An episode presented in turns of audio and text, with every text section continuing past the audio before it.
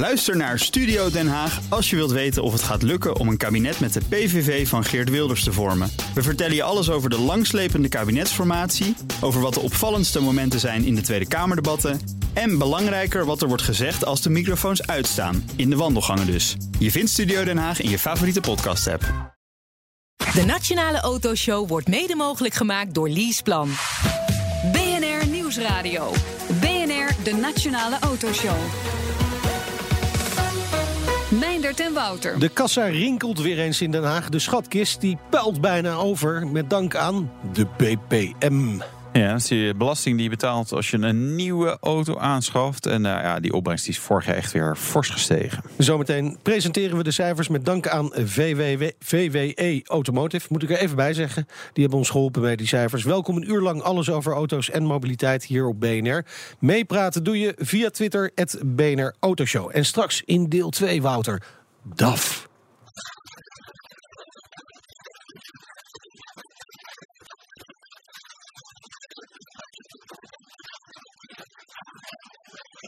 Ja, dat was even een tijdje geleden. Prachtig, toch? Ja, nu, nu is de automaat eindelijk echt doorgebroken. Ja. Maar uh, ja, het, het, bedrijf bestaat 90 jaar, dus dat wordt gevierd in het eigen museum. Mooi.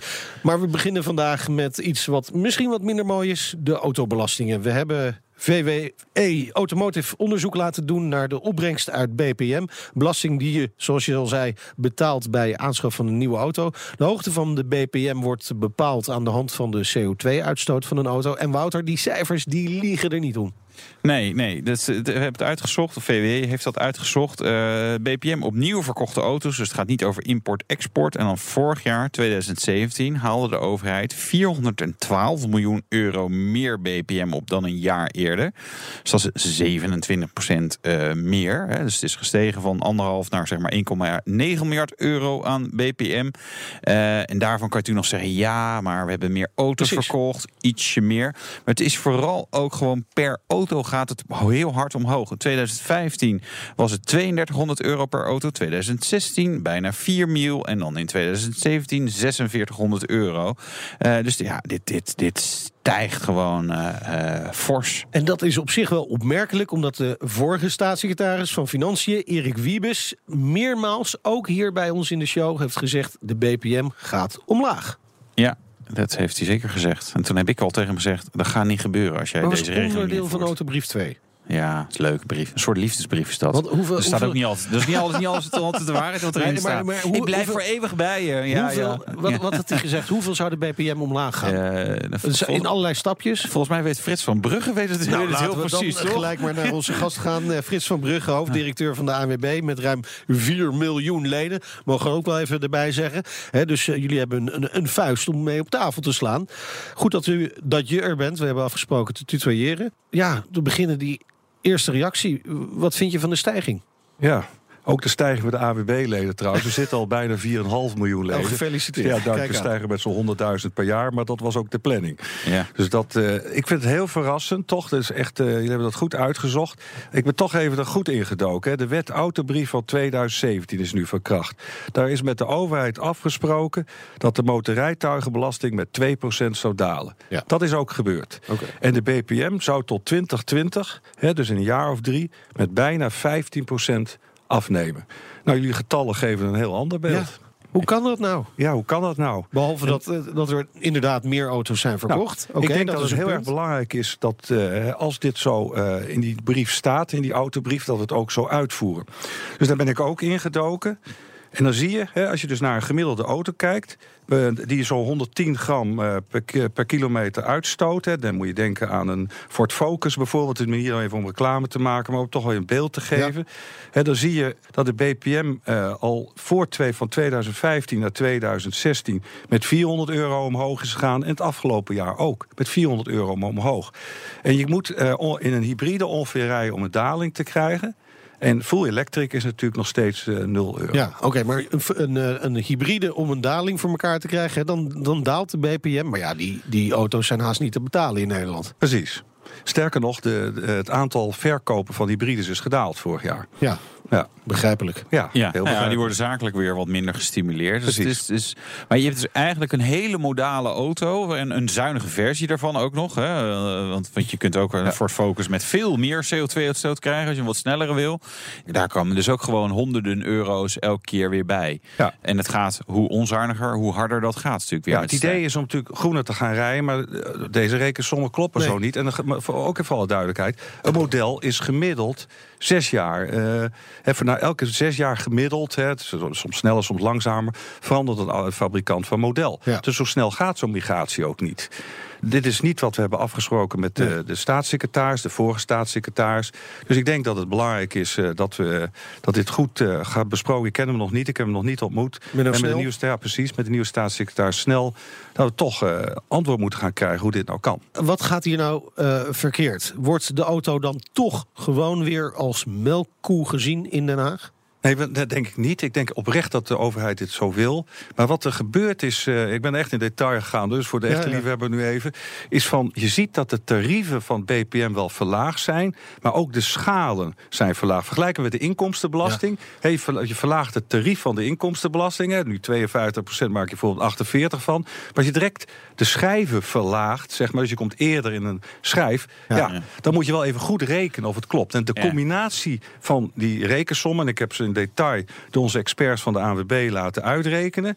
Ja, dan denk ik, ja, hallo, is, eh, zo wordt het dus duurder. Ja, ik En, heb nog eh, een mooiere ja. vergelijking. Het is Ja. een beetje een alcoholist die zegt dat hij minder gaat drinken. Maar hij stopt met bier en hij begint met wodka. en dan maar hij drinkt maar wel de helft van het volume. Ja, Ja, ja. Je wou de, de overheid als een soort alcoholist ja, of zo. Dus, eh, Nou, verslaafd aan Verslaafd aan geld. belasting. Ah, in. dat eh, bedoel je, ja. ja. Maar goed, Ja. de, de experts van de ANWB die bevestigen dus eigenlijk het beeld wat wij hier op basis van de berekeningen van VWW ook hebben. Dat klopt. Eh, wat de VWE Automotive zegt, de stijging van het totale bedrag, hè, het to- to- totale bedrag aan BPM, eh, komt zowel doordat er vorig jaar meer auto's zijn verkocht, dat is logisch, hè, dan, dan stijgt de BPM, begrijpelijk, maar ook door een stijging van het gemiddelde eh, BPM-bedrag per auto. Ja, kijk, het gaat niet over meer auto's, daar moet je voor corrigeren. Dat Precies. zeggen jullie ook en dat klopt. Het gaat om wat het nu per auto betekent, maar zo snel een migratie proberen door te voeren. Dus ik denk dat, in het, in het, eh, dat er wat huiswerk. En ik Ja. denk, ik zie, het veel, ik zie het echt positief. Hier eh, moet er gewoon even, eh, nog even wat rekenwerk gedaan worden om dit goed te krijgen. Want de afspraak is, de BPM Ja. gaat naar beneden. La- laten we nog Dus, even eh, goed naar die afspraak luisteren. Eh, staatssecretaris Wiebes destijds over de BPM in onze uitzending. Het moet naar beneden, omdat het een belasting is die voor de Belastingdienst heel moeilijk uitvoerbaar is. Heleboel ontwijking. Er zijn hele bedrijfstakken op gebaseerd op iets wat alleen maar Maar belastingontwijking maak dan, een is. groot, maak dan grotere Eh, stappen. Dat zijn nu natuurlijk relatief kleine stappen. Ja, maar dat is natuurlijk ook wel omdat. eh, kijk, wat gebeurt er als je in één keer afschaft? Dan gaan alle leasemaatschappijen in het rood. Dat was Wiebes. Hij zegt, we gaan het afschaffen. We gaan stap voor stap gaan het eh, naar beneden brengen. We gaan het afschaffen, maar het moet stap voor stap. Nou, dat is op zich logisch natuurlijk. Ook voor de waarde van tweedehands auto's bijvoorbeeld. Inmiddels is hij geen staatssecretaris meer. Is het eh, Menno Snel, D66, verantwoordelijk. U gaat met hem praten, denk ik. Ja, nee, maar tuurlijk. Maar ik denk dat het eerst even aan de staatssecretaris is om zelf nu met een antwoord te komen wat we hieraan gaan doen. Ik wil ook best met hem daarover gaan praten. Maar ik denk dat het de case is wel heel erg duidelijk. Hè. Dus, overigens is wel interessant, eh, op lange termijn, hè, want in het regeerakkoord akkoord staat natuurlijk dat we in 2030 naar volledige verkoop van elektrische auto's gaan. Dus dan is de BPM Ja. eigenlijk in theorie afgeschaft. Ja, ja. ja als we dat dat is 0%. geloven natuurlijk. Hè? Ja, in nee, theorie ja, dan zegt moeten u we er al moeten wel bij. nog een paar Ja. dingen doen. Ja, ja. Ja, ja, precies. Maar goed, als er niks gebeurt, wat zijn dan de gevolgen? Nou, dan houdt de overheid zich niet aan de afspraak. Precies. En dat kan niet, want Nou, staat, ik, ik, het- ik ben het er is heel positief over. Ik ben ervan Ja. overtuigd, toch even met, met mijn AWB-pet op, hè, dat, eh, dat dit eh, niet de bedoeling is. De afspraak is, de BPM gaat naar beneden. En eh, dan moeten we dat ook gewoon gaan Goed, doen. maar u, u Ja. gaat hier met de Ik ga, staatssecretaris ik over ga zeker mijn schouders onderzetten, uiteraard. wanneer Ja. gaat u met de Ik staatssecretaris heb om nog geen afspraken gemaakt. Nee? Niet erg. Hebben, jullie hebben dit mooie bericht zo Ja. eh, bedacht. En ik dacht, laat ik eerst eens even uitzoeken hoe het zit. En ik kan alleen maar bevestigen wat jullie hebben uitgezocht. Klopt. En nu is stap twee om eh, er wat aan te gaan Maar is, dit reden om wat sneller met de staatssecretaris Nou, ik, tafel in te ieder gaan? geval snel even, want ik doe dat ook graag schriftelijk, even snel nu eh, richting eh ministerie te gaan en om uitleg te vragen wat de bedoeling is. En dan zeker, zal ik zeker bij de staatssecretaris langs gaan. Maar dit, dit is, dit is gewoon, ik ben ervan overtuigd dat dit niet de bedoeling van financiën is. Ja. U, uw compaan bij de rijvereniging, eh Steven van Eyck, had het ook over, over autobrief 3. Hè? Dus daar zouden weer nieuwe belastingafspraken in kunnen in, eh, staan. Daar hebben wij een quoteje van, hè? Ja. En misschien moeten we gewoon durven zeggen, ook tegen die staatssecretaris... laten we gaan werken aan autobrief 3. Maar ja, autobrief 3 geldt pas vanaf 2020. Is, is, is- ga- gaan we nu twee jaar of drie jaar dan bijna even, even een beetje sappelen met, met de belastingen? Dan maar even drie jaar wat meer betalen? Nou, of moet dacht dit... Nee. Nee, Nee. maar ik ben er heel simpel over. Dit hebben we gewoon zo afgesproken, dus laten we het ook zo, gewoon zo uitvoeren. Ja. Het is ook een rol voor de ANWB hier om... eh, eh, Ja. We vertegenwoordigen precies wat jullie zeiden. Die, die 4,5 miljoen lezers, overigens de helft van de Nederlandse huishoudens. Dus hier hebben we wel even een rol. Dat, je doet een oproep aan mij om er wat aan te doen. dus eh, dat, is, ja, dat vind ik ook, eh, dat is natuurlijk ook wel interessant. De, bedoeling is dat we eh, meer elektrisch gaan rijden, Ja. schonere auto's gaan rijden. Ja. Als u kijkt naar uw eigen achterban, 4,5 miljoen leden. Ja. Hoeveel eh, daarvan is geëlektrificeerd? Nou, kijk dan maar even de cijfers weer. Er zijn 8,2 miljoen auto's in Ja. Nederland. Er zijn trouwens een miljoen bijgekomen. Hè. We roepen wel recessie, maar er zijn wel een miljoen auto's bijgekomen de laatste 10 jaar. En 18.000 daarvan zijn full electric. Ja. En 97.000 daarvan zijn hybrides. En als je zegt de gemiddelde Nederlander, hoeveel procent daarvan rijdt, echt precies de gemiddelde, Jan Ja. Modaal, Ja. hoeveel daarvan rijdt elektrisch? 0 procent. ja. Ja, ja. maar... eh, we met- hadden bijvoorbeeld een idee. We hadden een groot kampeer-event hadden we Ja. laatst eh, op, op ons eh, hoofdkantoor in Den Haag. Er zijn ongeveer duizend leden geweest. We hebben een heel elektrisch plein. Hè, overdag veel woon-werkverkeer, dus er staan best veel auto's. Dat was op een zaterdag. Er zijn duizend leden geweest. En er is nul auto's hebben op elektrisch plein gestaan. De hele Ja. dag. Dus, dus daar is dus de zakelijke kant rijdt wel elektrisch. Zometeen praten we natuurlijk verder met eh, Frits van Brugge van de ANWB. Dan gaan we het hebben over eh, pilots rond anders betalen voor mobiliteit. Maar ook een andere ambitie van het nieuwe kabinet, verkeersveiligheid, ja, daar moeten we nog wel wat aan doen, geloof moet ik. een nationale prioriteit worden. BNR Nieuwsradio. BNR, de Nationale Autoshow. Zo dadelijk meer met de baas van de ANWB. Maar eerst tijd voor ons nieuwsoverzicht van deze week. Wouter. Het, Nee, eh, doen die van volgende week. Oké. Nou, het TT-circuit van Assen komt een stap dichterbij. Het organiseren van een eh, Formule 1 Grand Prix. Ja. Ja, dat hadden we natuurlijk al wel een beetje tussen de regels eh, gehoord. Maar eh, Charlie Whiting, de race-directeur, die is langs geweest en heeft gezegd van nou, dit circuit, dat geef ik een positieve beoordeling. Er zouden enkele aanpassingen nodig zijn. En dan zou ja, TT, circuit in Assen, de Formule 1 van Assen. Nou, dat klinkt wel mooi, hè? Formule 1 race van. Nou, de hele wereld. die kijkt 2019 mee of dan. 2020 zou kunnen. Ja, weet je, dit blijft natuurlijk de vraag. Wordt het Zandvoort, wordt het Assen? Of helemaal geen Nederland. Als ik mijn geld erop moet inzetten, dan denk ik dat laatste. Zo is dat. Eh, over dat geld eh, inzetten gesproken. De salarissen van de heren van de Formule 1 eh, zijn op het internet gelekt. Ja. We weten wat ze verdienen. De Max Verstappers Ja. van deze wereld. Ja, ja Max eh, valt tegen hoor. Ja, Nou, echt nee, natuurlijk niet. Nee, 10 miljoen dollar per jaar is, is een gerucht. Hè. Ik bedoel, dit, hoe hard dit nou allemaal echt is. Het gaat overigens om basissalarissen. Ze zijn ook nog bonussen. Ze hebben eigen sponsordeals. eh, nou ja, noem het allemaal maar op. Eh, ze krijgen nog autootjes links en rechts ter beschikking. Ze hoeven niet te klagen. In ieder geval Maxje niet. En het mooie is, Hamilton heeft hier een keertje niet de pole position. Nee, nee, maar geen wereldkampioen 50 geld verdienen. miljoen dollar. En Vettel verdient meer, 60 miljoen dollar. En dan hebben we nog iemand, ja, die rijdt natuurlijk eigenlijk voor de eer mee. Want als je bij Alfa Romeo, zeg maar een van de oudste Formule 1 eh, teams ter wereld, de eerste wereldkampioen rijdt, ja, dan, dan doe je het niet voor het geld. Nee, Eh, dan neem je geld mee Charles, waarschijnlijk, of Charles Leclerc, die krijgt 150.000 Toch dollar. nog. Ja. Een leuk, leuk feitje. Nico Hulkenberg verdient bij Renault ruim zeven keer meer dan teamgenoot Carlos Sainz. 70 euro in plaats van 10 ongeveer. Zoiets. Eh autonieuws. Details over een nog dikkere BMW M5. Ja, hij komt eraan, zeggen ze. Eigenlijk, nee, eigenlijk moeten we over een leuk geruchtje hebben. Want Oh. de- die, daar weet ik eigenlijk wel meer van. BMW M2 is er. Er komt ook een versie van. Ja, M2. M2, M2 CS, of Competition Package gaat die heten. Gaat de oude eruit. En de nieuwe krijgt tenminste dan fatsoenlijke BMW M-blok. Want de vorige was eigenlijk een soort opgepopte M240i. En die M5, die gaat dan gerucht is naar 625 pk. Alleen ik vind het wat vroeg. Want ze hebben, dat ding is net gelanceerd. Rijden nog helemaal niet in de landen rond. In Nederland hebben ze nog gewoon geen M5's uitgeleverd. Dus waarom zou je nu al een dikkere versie aankondigen? Dat is Omdat heel- Genève eraan komt. Dan moet je iets laten zien. Ja, maar dan hebben ze, dan hebben ze genoeg. ik maak me niet zo'n zorgen over. Een Range Rover eh, dan. Range Rover dan. Ziet brood in coupé-achtige SUV Ja. is de kop. Verrassing. Nee, natuurlijk Nee. niet. Ja, kijk, eh, Mercedes doet het, eh, BMW natuurlijk, doet het, Sang Yong doet het en Range Rover doet het ook. Verder nog niet veel details. Eh, Behalve dat de 999 exemplaren, de SV Coupé. Dus het wordt volgens mij gewoon een heel dik knijter van een ding. Met die V8 met supercharger, met heel veel pk's. En Oké. eh, ja, wel, ja, wel gaaf. Dat wel. Dat dan weer wel. Maar niet handig om mee te verhuizen. Nee, wat kost dat?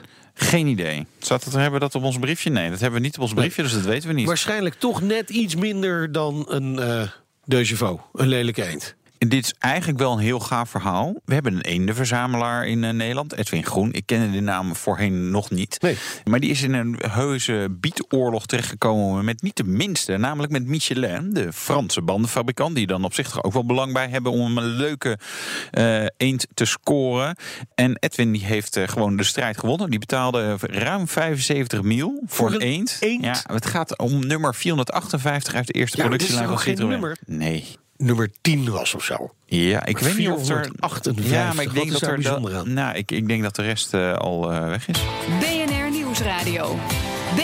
De Nationale We Autoshow. praten met eh, Frits van Brugge, de topman van de ANWB. We hebben het natuurlijk eh, net over de belasting, de BPM gehad. Nou, eh, u, u bent er ook, of je bent er ook van geschrokken. Ja.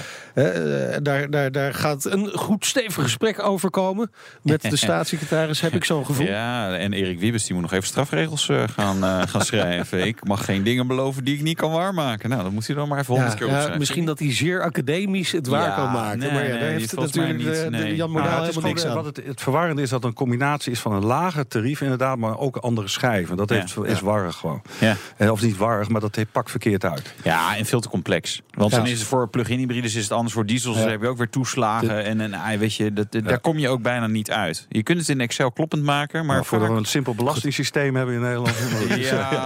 Laten we, laten we even kijken of we wat andere zaken kunnen oplossen. De, de vorige keer dat je hier was, was september 2016.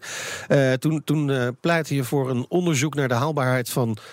Daar komt die rekening rijden. Daar is toen best wel wat kritiek op gekomen, ook van de eigen achterban. Eh, eh, die, die plannen, zijn die de ijskast in verdwenen of, of sta je daar nog wel achter? Nee, we- kijk, dat is heel duidelijk. Dat, het mooie staat, staat heel duidelijk in het regeerakkoord. Kijk, waar de zorg zit bij de gemiddelde Nederlander... is als we het over rekeningrijden hebben... wordt er weer een fileheffing, gaan we weer meer betalen... weer meer belasting. En dat is wat we niet willen. Dat zit er gewoon heel sterk achter. Wat in het regeerakkoord staat, voor alle duidelijkheid... is eh, dat we experimenten gaan doen met eh, betalen naar gebruik. Dus we gaan gewoon software testen... of we gaan wegen testen, of we gaan auto's testen. Dat is het idee. En geen, daar wordt geen rekeningrijden ingevoerd in de regeerperiode. Dat is wat is, eh, dit kabinet wat moeten we van zoeken testen verwachten? Ik heb geen flauw idee, want ik heb nog niks gezien. Ik, ik weet echt niet, want als, als ik dan zou Maar ik het dit, dit klinkt een beetje als, als regeren is vooruitschuiven. Nou, joh, we- zeggen een, va- een vage mededeling in het, eh, in het regeerakkoord. En eh, daar kun je alle kanten mee op. komen we het andere onderwerp, eh, filerijden, gaan we straks over hebben. Dat is een enorme puzzel waar een hele hoop dingen in moeten gebeuren. En, eh, en één daarvan hè, zou vernieuwing kunnen zijn op dit gebied. En vandaar dat de gedachte is om wat experimenten te gaan doen. Ja. Laten we naar die andere ambitie van het kabinet gaan. Verkeersveiligheid, nationale prioriteit. Eh, dat plan komt mede van de ANWB vandaan. Als AWB hebben we een coördinerende en verbindende rol hierin. We hebben een hele hoop partijen bij elkaar gebracht. Maar er is een verkeersveiligheidscoalitie ontstaan. Een beetje een dit. En, en, en, en dat is. eh, uiteindelijk is, staat nu in het regeerakkoord. eh, verkeersveiligheid, dat is heel belangrijk. Dit is een nationale prioriteit. En er is ook een manifest gemaakt met, door deze partijen. Er staat ook in het regeerakkoord. Dit moet uitgevoerd worden. Maar om idee te geven, het aantal doden stijgt. Het aantal zwaar gewonden is verdubbeld in de afgelopen tien jaar. En laten we het dus over de smartphone hebben. Ik neem aan Ja. dat jullie in ieder geval niet appen in de telefoon. Nee, In- dat doen jullie niet In de auto. Nee. Nee, Nee. alleen we zijn de enige. Nederlanders die dat niet doen. Nee. Ja. En, Ja. eh, ik word ook uit, raar aangekeken hoor, ja, als ik op de ja. maar rijd. uit wetenschappelijk onderzoek blijkt om je idee te geven. Gewoon een voorbeeld wat er gebeurt. Hè. Een vrachtauto, gemiddeld per duizend meter. Eh, is hij 800 meter met zijn rijtaak bezig. En 200 meter is hij andere dingen. Dat doen we vooral op die smartphone. Kijk, personenauto's zijn niet veel. Zijn ietsje beter. 900 meter van de 1000 meter zijn we met de rijtaak bezig. En 100 meter andere dingen aan het doen. Oké, eh, oh, Dit hebben jullie echt gewoon gemeten met Dat camera's? SOF. Het is, eh, het is Ja. eh, data van de SOF, ons Oké. wetenschappelijk onderzoekinstituut. Als ik zeg, als Peter van der Knaap, die is de directeur, die, die vaak al klopt dit, dit klopt. Nee, het Ja, is absoluut en, terecht. en nu, en nu dan? Wat, wat moet er dan gaan gebeuren? Want Nou, dat een hele hoop dingen. Ook dit is een puzzeltje met een aantal aantal stukken. Ja. Hè, dat, dat varieert van handhaving door de politie. Betekent, hè, we hebben me- meetmethodes hoe veilig wegen zijn. Dat noemen we drie sterren, Eurorap. Nou, dus laten we ervoor zorgen dat alle wegen in Nederland minimaal drie sterren zijn. Het betekent handhaving door de politie.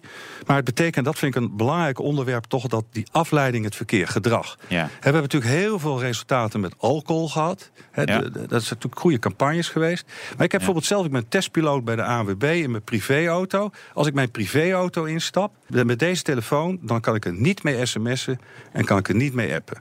Hè, dus dat is technologie. Ja. Die, eh, dat heet, noemen we, dit is een eh, drive safe pot. Er zit er een baken, zoals het heet, een soort Ja. stuiver in je auto. Ja. En dan herkent hij de telefoon. Dus ik kan niet appen in mijn privéauto. Maar zou je dat soort dingen eigenlijk niet verplicht moeten invoeren? Eh, ja, Wat ja, vinden jullie nee, daar nou ja, van? Nee, we, hebben, we hebben een discussie al wel gehad met. eh, ja, ik, die vind ik moeilijk. Omdat je een aantal, aantal dingen doe ik op mijn telefoon die wel rijden gerelateerd zijn. Navigeren, Ja. Ja. de, de- een app om tegen flitsers te waarschuwen. En eh, ik heb eh, de netreken. En toen dacht ik, nou, ik wil even de BNR-podcast luisteren. Nou, dan zet ik even die podcast aan, muziek. Weet je, en, en ik, ja, weet je, het hoort misschien niet. En tegelijkertijd, ja, je wilt sommige dingen wel doen. Ik ga geen hele va- eh, epistels schrijven. Ja.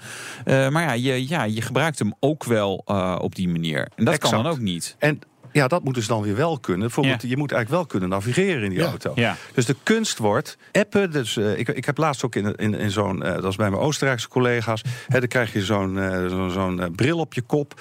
En dan krijg je eh, visuele beelden. En opeens gaan we ring, ring. Rechts van mij gaat de telefoon. Dus ik grijp zo naar rechts, kijk naar rechts.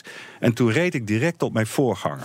Is, eh, en dat Ja. vergeet je nooit meer. Nee. Zo snel gaat het. Maar- dus maar- de kunst, maar dat betekent dat we iets moeten maken. Dit is puur technologie dit. Waar je dus wel je navigatie in de auto ja. werkt. Waar je wel een muziekje op kan zetten. Maar niet kan appen. U zegt Daar dus, gaat het om. je, je zegt dus Ja. niet, die, die telefoon moet gewoon maar in je broek blijven zitten. Nee, maar dat, we leven wel in 2018. Dus de kunst wordt om zo'n verbinding in je auto te krijgen... dat dat soort dingen dan bijvoorbeeld in je dashboard zichtbaar zijn. Iets in die geest. Dus eh, daar zal het heen gaan. Ja, maar ja, En, de eh, gemiddelde auto in Nederland is negen jaar oud. En eh, met die belasting die omhoog gaat, wordt het alleen maar ouder. Dus ja, weet je, voordat, eh, voordat je een auto hebt waar dat netje lekker in kan. Ik geloof dus heel we- erg ook technologie in bestaande auto's. Denk ook Ja. aan veiligheidssystemen. Waarom zou Ja. die alleen nieuw in nieuwe auto's moeten? Je kunt toch ook Meer veiligheidssystemen... Nou, bijvoorbeeld die, die adaptive cruise... ja, aftermarket, precies. Dus die adaptive cruise control... dat je in de, Ja. in de, in de lane kan blijven. Dat soort eh, technologie, vind ik, moet ook tegen betaalbare prijs... daar gaat het natuurlijk om... Hè, ook in, de, in een eh, tweedehands auto kunnen. Nou, het, het interessante is dat wij Nederlanders natuurlijk altijd gevoelig zijn eh, voor de prijs. We hebben het nu ook over de BPM. Je zou natuurlijk iets kunnen doen met de verzekering. Als Ja. jij dat soort dingen inbouwt, dat je verzekering omlaag gaat. Ja, wat wij doen nu, eh is een AWB-product. Dan krijg je een eh, dongel. Hè, en dan meten we de GPS en de G-krachten. En dat is best interessant. Ik ben ook daar testpiloot geweest trouwens. Ja. En dan wordt ook, ja. Heb je het gedaan? hem, eh, Ja? Ja, ja, dan ja. zie je hoe, eh, hoe rij jij? Is het een beetje een goede score? Is, eh, Nou, Nee, nee, nee, nee, nee, nee. als je, nee, als je nee. dus eh, meer dan 40 kilometer te hard rijdt, word je er überhaupt uitgegooid. Hè? Maar is. eh, en, eh, Hey, ik heb niet de, de, de bijbehorende verzekering. Dat is wel verneukeratief. Als je inderdaad zoekt op, op verzekering... en je, iedereen sorteert natuurlijk op goedkoopste... dan kom je bij, realiseer je bij wat- die van jullie uit. Ja. En dan, eh, Nee, maar Ja. als je het dus laat zien, hè, want je moet wel, eh, je accepteert dus dat we die data krijgen. Dat is natuurlijk ook, de data zijn nog steeds natuurlijk Ja. van de ANWB-leden, maar we kunnen die data dan gebruiken. Dan krijg je een korting op je verzekering als je goed rijdt. Ja. Denk je leuk voor die ANWB en leuk Ja. voor die Maar- leden, maar het is fantastisch Ja. voor de samen. Realiseer wat hier gebeurt. Maar, maar, als Mensen je, gaan beter rijden, dus de verkeersveiligheid Ja. Wordt beter. maar als je nou heel woest gaat rijden, gaat de, gaat de verzekering dan omhoog, de de premie? verzekering, voor alle duidelijk, als je woest rijdt, eh, wordt, dan word je gebeld. Word je gebeld. Dan krijg je, ja, maar dan krijg je dus een. eh, eh, dan wordt dus gevraagd om daarmee op te houden. En anders ga je uit de verzekering. ja. Nou, daarom heb ik die verzekering Uit. niet genomen. Ja, oké. oké. Maar dit, dit zijn dingen die, die kunnen Meer dan wij... 40 km per uur geloof ik. Ah joh, Ja. maar dat, dat, doe jij toch niet? Nee, Is- nee. Niet, Nee. niet in de stad. Nee. Alleen in Duitsland. Ja, ja, Alleen ja, in ja. Duitsland. Nou, je moet wel eens dingen Maar eh, dat zijn dingen die je zelf eh, kunt doen. Wat, wat, welke rol heeft de overheid? Ik vind het meevallen en, en dus tegenvallen voor de verkeersveiligheid. Hoe vaak je nog, eh, weet je, undercover politieauto's ziet rijden. Weet je, in controle, weet je. Gevoelsmatig wordt er niet meer gecontroleerd op de snelwegen. Ik moest vorig jaar de, de, de, de, de tentoonstelling open van de oude politie-Porsches. En Ja. al die oude wachtmeesters waren er. En ik ook toegesproken zei, dat was toch een, een tijd. Die gaven, het staat niet de tijd bonnen uit te delen. Die waren ook bezig, ik weet niet je voor jullie tijd. Ja, maar is, Nou, eh, we hebben het nog eh, net een de- beetje de- meegemaakt, ja. En, eh, maar wat je nu ziet met de handhaving is dat het voornamelijk fotograferen. 97% van alle bekeuringen in Nederland is een foto. Ja. Ik ben hier overigens in gesprek, zowel met het Openbaar Ministerie als met de Nationale Politie. En ook beide zeggen: nee, wij moeten weer meer eh, gaan doen aan handhaving op straat. Ja, we moeten maar, meer. Maar Eerst- eh, jullie stellen ja. vast dat dat nog niet het geval is. Nee, Dus, nou ja, eh, is het wel dan... ja. eh, nee, maar dat gevoel van ja, ja, dat zouden we moeten doen. Ja, ja, ik zou ook gezonder moeten eten. En ik zou, eh, ja, weet je, dat is allemaal goede voornemens. Jan, het is nog net januari, dus dan hebben we, en weten we het nog net. Maar ga- gaat er ook wat Nou, het- gebeuren? bij de politie zijn ook meer auto's weer besteld. Het is ook bijna Ja. dat. En ik weet ook nog heel veel politiemensen zijn die eigenlijk ook heel veel van auto's houden. Ja. Dus dat gevoel van weer op die weg komen, weer bezig zijn met de verkeersveiligheid, is, wel, eh, is wel iets wat echt wel een politietaak is. Dat vinden we allemaal. Openbaar Ministerie heeft echt gezegd, de procureur-generaal gesproken,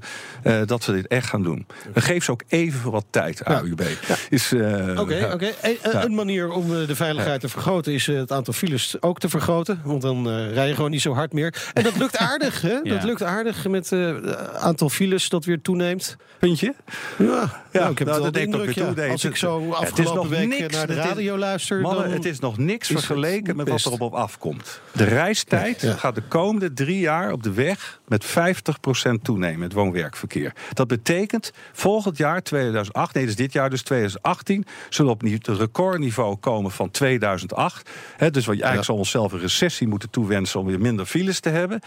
En dan vanaf dat moment, we dachten al in 2008, oh jee, de ochtendspits gaat over in de avondspits. Dat Ja. zullen we nu vrij snel gaan meemaken. Ja? Is Ja. het zo ernstig? Maar ook daardoor dus weer, ja, wat moeten we dan doen? Gewoon Ja. de Dus asfalteermachine aanslingeren. Ja, onder andere. Ja. Ook hier is het is een grote puzzel. Wat we gezegd op korte termijn. En dat, ik, we hebben ook een actieve minister. die heeft gezegd: ik ga aan het Cora van Cora, eh, van Nieuwhuizen actief. Ik ga eh, versneld aan de gang met onderhoud. In het regeerakkoord is extra geld vrijgemaakt voor infrastructuur. En voor korte termijn, je kunt knelpunten oplossen. En ik zie ook dat men dat wil doen. Dus daar zijn we heel blij mee. Maar dit lost niks op voor de langere termijn. En we hebben, eh, hè, dus jullie hebben ook al anderen gehad. Roger van Bokstel, Ja. Stefan Eijk of vanuit de TLN. Nou, de hele rij hebben we een mobiliteitsalliantie gemaakt. En wat Nederland nodig heeft, is echt een mobiliteitsplan voor de lange termijn. We moeten echt aan die reiziger denken, aan het goederenvervoer. Hoe komen we van A naar B op lange termijn? We doen ook alles meer. We wandelen meer, we fietsen meer, zitten meer in de auto, zitten meer in de trein, zitten meer in de, in de bus. Het is Ja. eigenlijk, we fietsen veel meer. Dat gaat helemaal fout de komende jaar. Dus er moet een groot mobiliteitsplan komen voor Nederland. En Cora van Nieuwenhuizen wil dat ook graag samen met de Mobiliteitsalliantie maken. Daar zijn we heel blij mee. Ja. Maar dat is wel lange termijn. Dat is er niet zomaar. Maar ondertussen wel wat meer asfalt dus. Eh, dus Ja. ik denk dat het in de puzzel. Ja, ik denk Ja. echt dat Ja. het nodig Toch? is om eh, wegen verder te verbreden. Eh, knelpunten op te lossen. Dat is gewoon meer asfalt. En de afgelopen tien jaar is er 700 kilometer asfalt bij bijgekomen. En 1 miljoen auto's, zei dat al. Het is gewoon nodig. Hartelijk dank voor de komst naar de studio. Frits van Brugge, hoofddirecteur van de ANWB. Zometeen gaan we het hebben over DAF. Ja, 90 jaar geleden opgericht door Hup. eh, ja, Hup heet hij echt, hè? En Wim van Ja. Doorn in Eindhoven. Ja, tegenwoordig een miljardenbedrijf, maar personenauto's maken ze niet meer. Nee, en we gaan wel rijden in een personenauto. Nou, personenauto. ja. BMW X3. Tot zo. De Nationale Autoshow wordt mede mogelijk gemaakt door Leaseplan. BNR Nieuwsradio. BNR, de Nationale Autoshow. Meindert en Wouter. Hup en Wim van Doornen. Precies 90 jaar geleden begonnen ze in een kleine werkplaats in Eindhoven. Ja, en de rest is geschiedenis. Ja, het groeide uit tot Van Doornes Automobielfabriek, DAF. En vergeet ze niet, ze maakten meer dan een miljoen personenauto's. En meer dan een miljoen. Nou, dat is best fors. Ja. Ja, nou ja, op de wereldschaal nu. Waarbij, ja, tegenwoordig ja, niet meer. Met de maar ogen van nu. Nee, maar goed. Ja, ja, in die nee, tijd. ja, ja. Ja, bijzondere autohistorie vind je terug in het DAF Museum. Straks hoor je daar eh, veel meer over. En we gaan dan ook eh, rijden natuurlijk. Wouter voelt de BMW X3 aan de tand en had er echt weer zin in. Ja, ach, het is geen X5, hè? Nee, dat is het niet. Oh, Weer zo blasé? Wordt het weer zo'n rijimpressie? wordt het weer zoiets. Eh, heb je een vraag, wil je meepraten? Kan natuurlijk via Twitter, BNR Autoshow. We gaan het hebben over DAF. Eh, heeft heel wat jubilea te vieren dit jaar. En daarom hebben we Geert Vermeer uitgenodigd. Hij is eh, voormalig voorzitter van de BOVAG... en tegenwoordig vicevoorzitter van het DAF Museum in Eindhoven. Welkom Leuk dat u er bent. Ik vind het leuk om er te zijn, dankjewel. Heel mooi. Eh 90 jaar DAF. Museum bestaat eh, precies 25 jaar. Waarom zo'n groot verschil? Was het niet eh, veel eerder nodig om een museum eh, over DAF neer te zetten? Vind ik wel, ja. Alleen ik was er niet bij. Nee. Maar eh, het idee liep, loopt, eh, loopt al langer. Maar eh, ja, 25 jaar geleden is het eh, tot stand gekomen. En het mooie is dat we op de plek zitten waar Huub van Doornen ooit Ja. begonnen is. Hè. In Dat is natuurlijk Eindhoven? leuk. In Eind, maar ook op de plek daar. Ja, letterlijk, even, even maar wel het oude pand ook? Of is het een het nieuwe... pand, ja, het was eh, een constructiewerkplaats van een brouwerij. Ja. En eh, dat is in, in eh, oude glorie hersteld. En Ja. eh, de, daar zitten wij nu als museum. Dus een historische en, plek. en, waar, en waar zit dat precies in Eindhoven? hè? Voor mensen die, die, is een keertje naar PSV gaan of zo. Dat Ja. ze ook nog heel even een Het bochtje is ook in het omrijden. centrum. Het is ook in het centrum. Ook in het centrum. Tongelse straat. Ja, Ja. een prachtige plek. En eh, ja, misschien komen we er nog op, maar we gaan nog uitbreiden ook. Dus, Ja. eh, Ja. Zo, Wat leuk. Wil- wilde plannen. ja, ja, ja. Laten Ja. we toch even teruggaan in de tijd. 90 jaar geleden. Hoe, hoe is het eigenlijk begonnen? Want niet iedereen zal dat meer weten natuurlijk als het 90 jaar geleden is. Ja, het is eh, eh, 1 april 1928 begon Huub en kort daarna ook met zijn broer Wim in die werkplaats eh, met het bouwen en maken van fietsenstallingen en magazijnstellingen voor Philips. Dat was toen ook een jonge onderneming. Kort daarna kwam het idee om aanhangwagens te maken. Hij heeft ook maar een jaar op die plek gezeten. Toen is hij op een andere plek gegaan in Eindhoven. En aanhangwagens is ook eigenlijk de basis van de naam DAF. Hè, van Doorners aanhangwagenfabriek. Nou, dat is tot eh, de Ik jaren dat het 40 een heeft dat- automobielfabriek eh, was. Maar dat is het geworden. dat is het uiteindelijk geworden. Uiteindelijk Ja. is hij begonnen met vrachtwagens, eind Ja. jaren 40.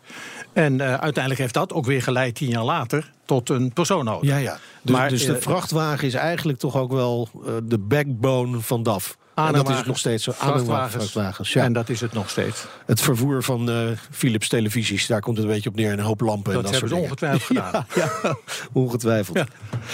Ja, eh, waarom is het dan ooit misgegaan met, met de personenauto's? Ja, Ja, Ja. we zouden het een leuk verhaal hebben. We zouden een jubileum vieren Ja, vandaag. ja, ja, nou, ja, maar ik een zure vraag Ik ben blij dat jullie gezegd hebben dat er al toch een miljoen van die personenauto's gebouwd zijn. Het was in die tijd, want we praten over de jaren 50, 60 en begin jaren 70. Dat is toch niet niks. En eh, het was altijd al de droom van Huub van Doornen met name. De techneut, de technische man. Want Wim was meer de commercieel eh, man achter het verhaal. Maar de technische man hij heeft ook meer dan 100 octrooien op zijn naam staan. Hè? Onderschat dat niet. En eh, het was altijd zijn droom om een personenauto te maken. Vandaar ook eh, dat kleine autootje wat ik heb meegenomen. Ja, de, De regenjas. rijdende regenjas. Ja. Die heeft in de jaren 40 gedaan. En hij noemt het de regenjas omdat je moet hem in feite aantrekken. Het is een eenpersoons autootje. En hij had hem in de gang staan. nou, de regenjas hang je ook in de Ja, is echt heel smal. Ja, maar Dus- eigenlijk is het een, een, een soort klassieke kanta. Kan ik het zo zeggen? Nog iets smaller? Ja, nee, ja, denk Maar met zo een smal, maar dan wel met, met, met wel een met een lange motorkap. Hij is, ja. hij is, hij, hij is Een wel cool. driewieler. Hij staat in het museum. Ja, De enige gaaf. exemplaar. Mooi, hè? Maar even naar die personenauto, want dat was de vraag. Eh, het was altijd dus al zijn bedoeling. En uiteindelijk is dat in de jaren 50 in een vrij korte tijd ontwikkeld. Dan moet je nagaan. Hij is in 55 met het idee begonnen. En in 58 is die auto al gepresenteerd op de autorij. Dus vandaar nu 60 jaar geleden. Ja, dat is eh, toch een succes geworden uiteindelijk. Echt, want de eerste orders eh, op de rij, dat liep al in de 4000. Dus dat was boven verwachting. Dus ze hebben de productie moeten bijstellen. Vandaar dat hij ook pas in 59 op de markt kwam. En eh, dat is verder doorgeborduurd. De, de 600 naar de DAF 750, de DAF voor deel, de 33, de 44, de Laten we 55, heel, et cetera. ja, precies. Laten we heel even naar de introductie gaan van die DAF 600. hè, Op de autorij van eh, 1958. 1958. De gebroeders van Doornen brengen de tweede Nederlandse personenwagen op de markt. Als bestelwagen gecamoufleerd reed hij al vanaf 1955 door Nederland. Weinigen wisten dat onder dit uiterlijk het 600 kubieke centimeter hart van een echte Nederlandse personenauto klopte. Het hart van de DAF 600. Ja, het hart van de DAF 600. Toch zelfs toen al niet echt een stoer imago. Misschien ook wel begrijpelijk. Een relatief kleine auto. Ja, dat Ja. klopt. Het is ook vooral Nederland hè, die er dan zo tegenaan kijkt. Hè? Want we zijn vooral trots op wat we allemaal doen. Ja, ja, ja. Maar toen dus ook al. Maar je moet even teruggaan naar de jaren 50. Die auto is ontwikkeld in een tijd dat de mobiliteit anders was. Er reed een Goggomobiel. Er reed een Renault 4, het oude model met de motor achterin. Er reed een Fiat 600, Fiat 500, motor achterin. Ja. En toen kwam er ineens een personenauto met veel glas... waar je met vier personen in kon zitten. Met een motor voorin, met een grote bagageruimte. En ook nog een automaat.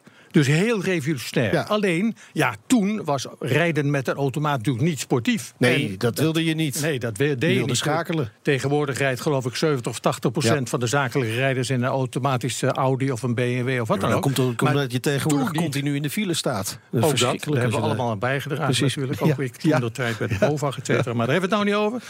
Maar in ieder geval, eh, het is natuurlijk wel zo dat dat toen was dat natuurlijk niet sportief. Maar het was wel makkelijk. Dus als het makkelijk was, dan konden er ook wat mensen... En je kon, wat, hè? je Ja. kon zelfs een speciaal rijbewijs halen als je maar in een DAF bleef rijden. Het DAF-rijbewijs, het DAF-rijbewijs. Maar u noemt al de automaat. Wat valt elke toeschouwer aan de DAF het eerste op? Er is erin een gaspedaal en een rempedaal. Het koppelingspedaal en de versnellingspook ontbreken. De verklaring daarvoor vindt u onder de achterbank. Daar huist de Variomatic. De Variomatic, oftewel het pintere pookje. Bedacht door eh, DAF en nog steeds, eigenlijk nog steeds in productie. Achteraf is het allemaal makkelijk, maar we kunnen Ja. echt zeggen Ja. dat die DAF 600 zijn tijd vooruit is. Nou, dat hadden we toen niet gezien, nu wel. Want wat blijkt, het mooie is dat Huub van Doornen eigenlijk na zijn pensionering, moet je nagaan, eigenlijk in de fase waar ik nu zit, hè, in die fase heeft hij Ja, die de, de lat ligt hoog. Nee, ik zeg, ik zeg het maar voordat jullie het zeggen. Ja, ja. Maar in de fase waar ik nu zit, heeft hij die Variomatic doorontwikkeld. Thuis, in Deurne.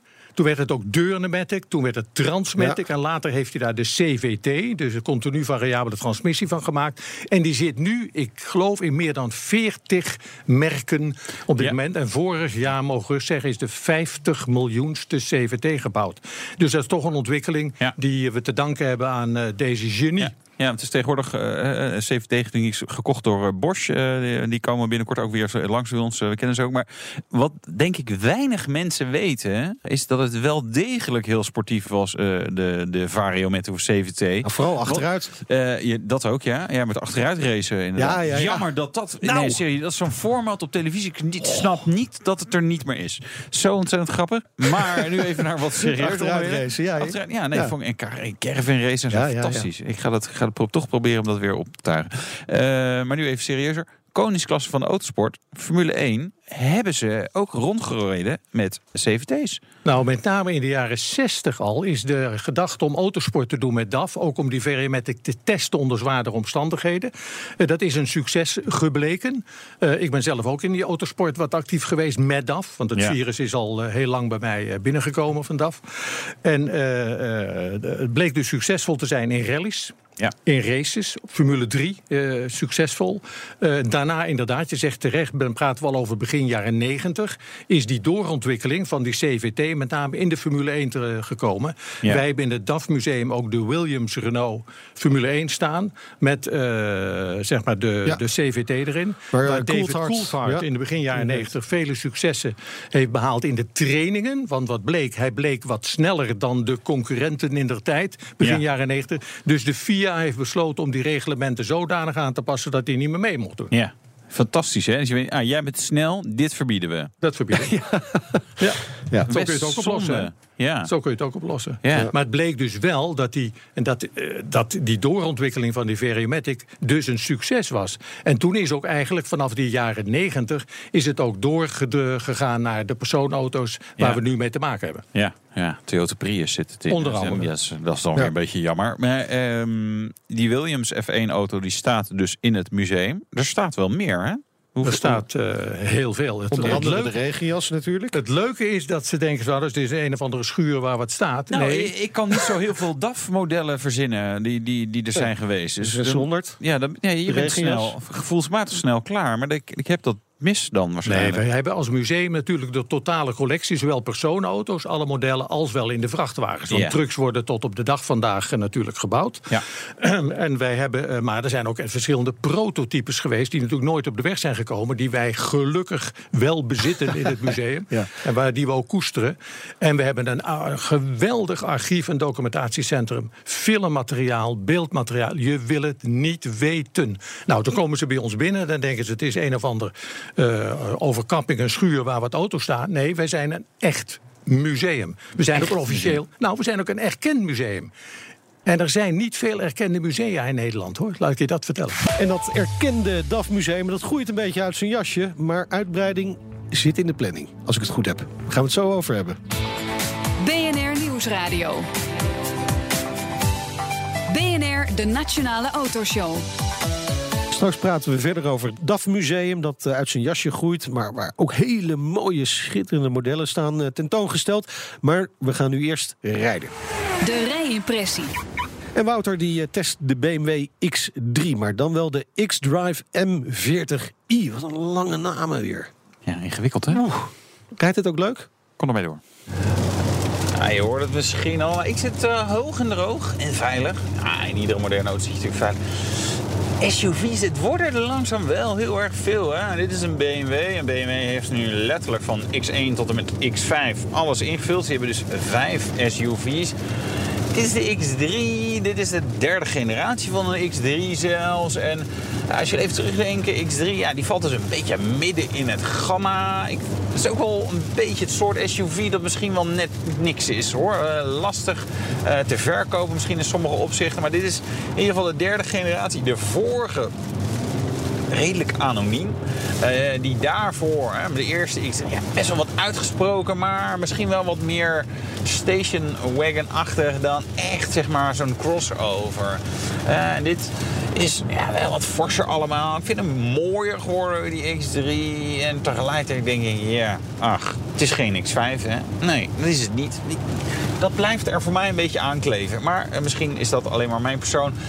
Dit is wel een hele lekkere uitvoering. Het grappige is dat zowel Mercedes als BMW een beetje hebben ontdekt wat Audi eigenlijk al een jaar of twintig uh, doet. Namelijk is dat je de nou ja, lauw-warme versies een ander badge kan geven en dat ze dan beter verkopen. Ik ga hem even op de sportstand zetten. Dan hoor je misschien even iets wat meer. Gas zeker wat meer. Dit is namelijk de X3 M40i. Dat is 3 liter, 6 in lijn. Heel mooi blok met turbo. 360 pk, 500 Nm koppel.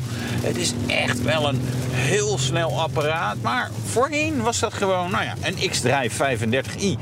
Sterker nog, ik zal iets vertellen wat maar weinig mensen weten. Eerste generatie X1 was er feitelijk ook met dit blok. Als je het hebt over sleepers, een X1 met 306 pk was dat volgens mij. Ja, is dat er wel eentje. Goed, deze heeft dus die M-Performance saus gekregen. Dus M-logo's. In het interieur bijvoorbeeld ook. Uh, op uh, de middenconsole staat ook een M-logootje. Op het stuurwiel natuurlijk. Op de instaplijsten, buiten ook qua onderstel en zo. Het is ja, een beetje wat je verwacht van een grote uh, SUV. Uiteindelijk toch ook nog wel comfortabel. Alhoewel bijvoorbeeld een XC60 nog comfortabeler is. Volgens mij heeft deze geen luchtvering. Uh, dat zou ik uh, eigenlijk in de documentatie moeten terugzoeken. En anders reageert er wel iemand via Twitter die dat wel weet. Maar ik vind hem qua variatie tussen comfort en sport... vind ik het geen heel groot verschil. Dat kan groter.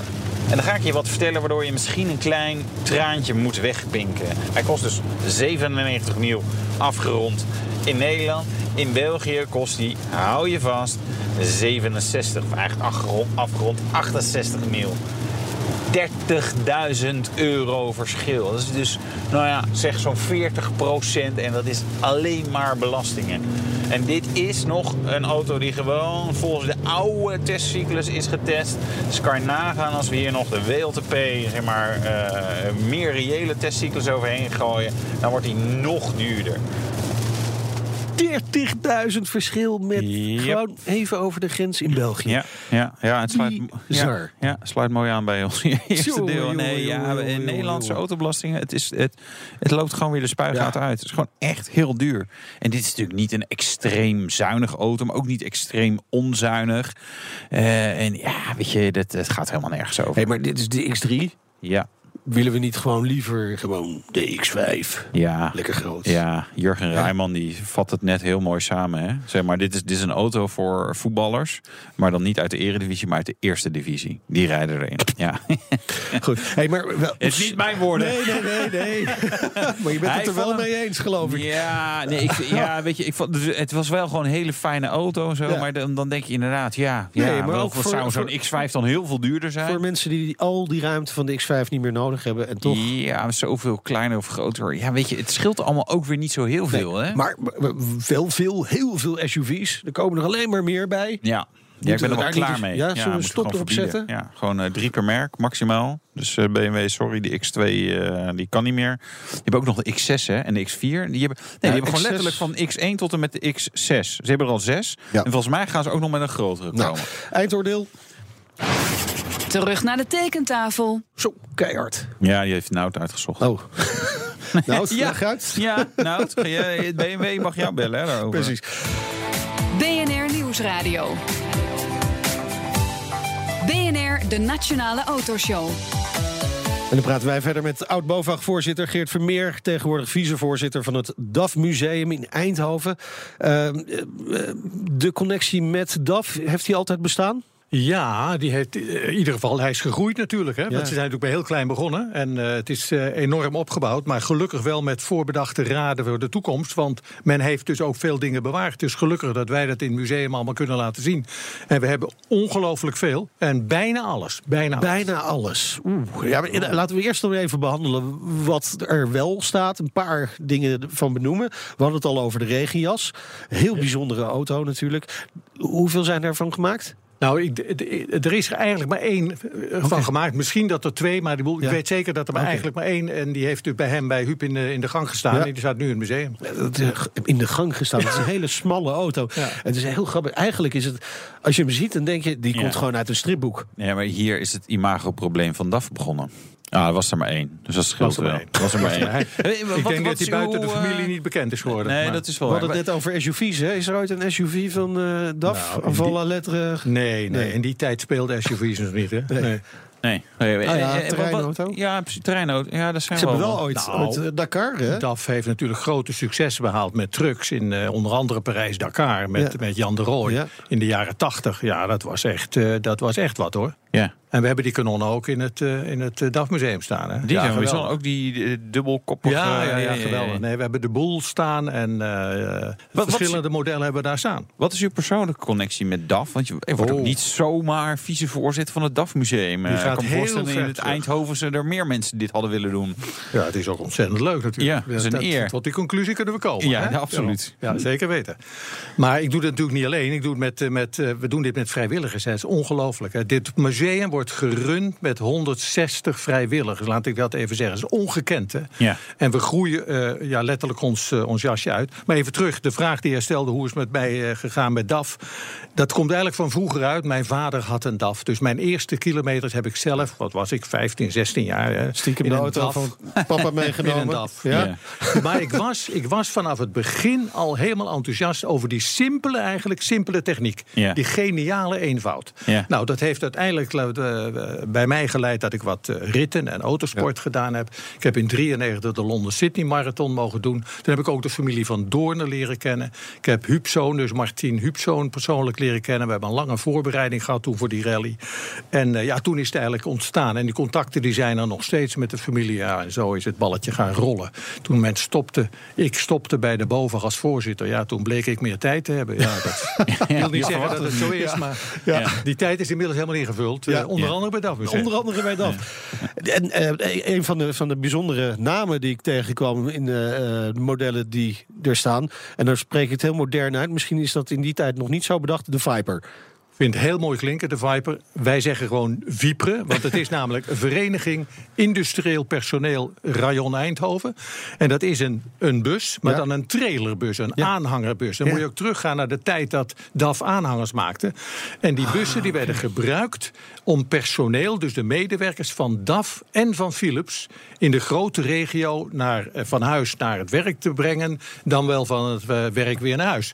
En eh, dat was een ideaal dat het een, een aanhanger was, want die trailer die ervoor, Ja. om dat ding te trekken, die kon overdag ergens anders voor gebruikt worden. Ja, nou, Nou. super. Om tv's weer eh, te verplaatsen van Onder Philips, andere. bijvoorbeeld. Ja. Wij, maar wij hebben, wij hebben eh, eh, dat op de kop kunnen trekken en ik, kunnen prikken. Ik denk dat dit eigenlijk wel de enige is. Het is een, een unieke trailer. Het is een icoon van Eindhoven, want wie kent hem niet in Eindhoven? Daar hebben, zijn er tientallen van geweest.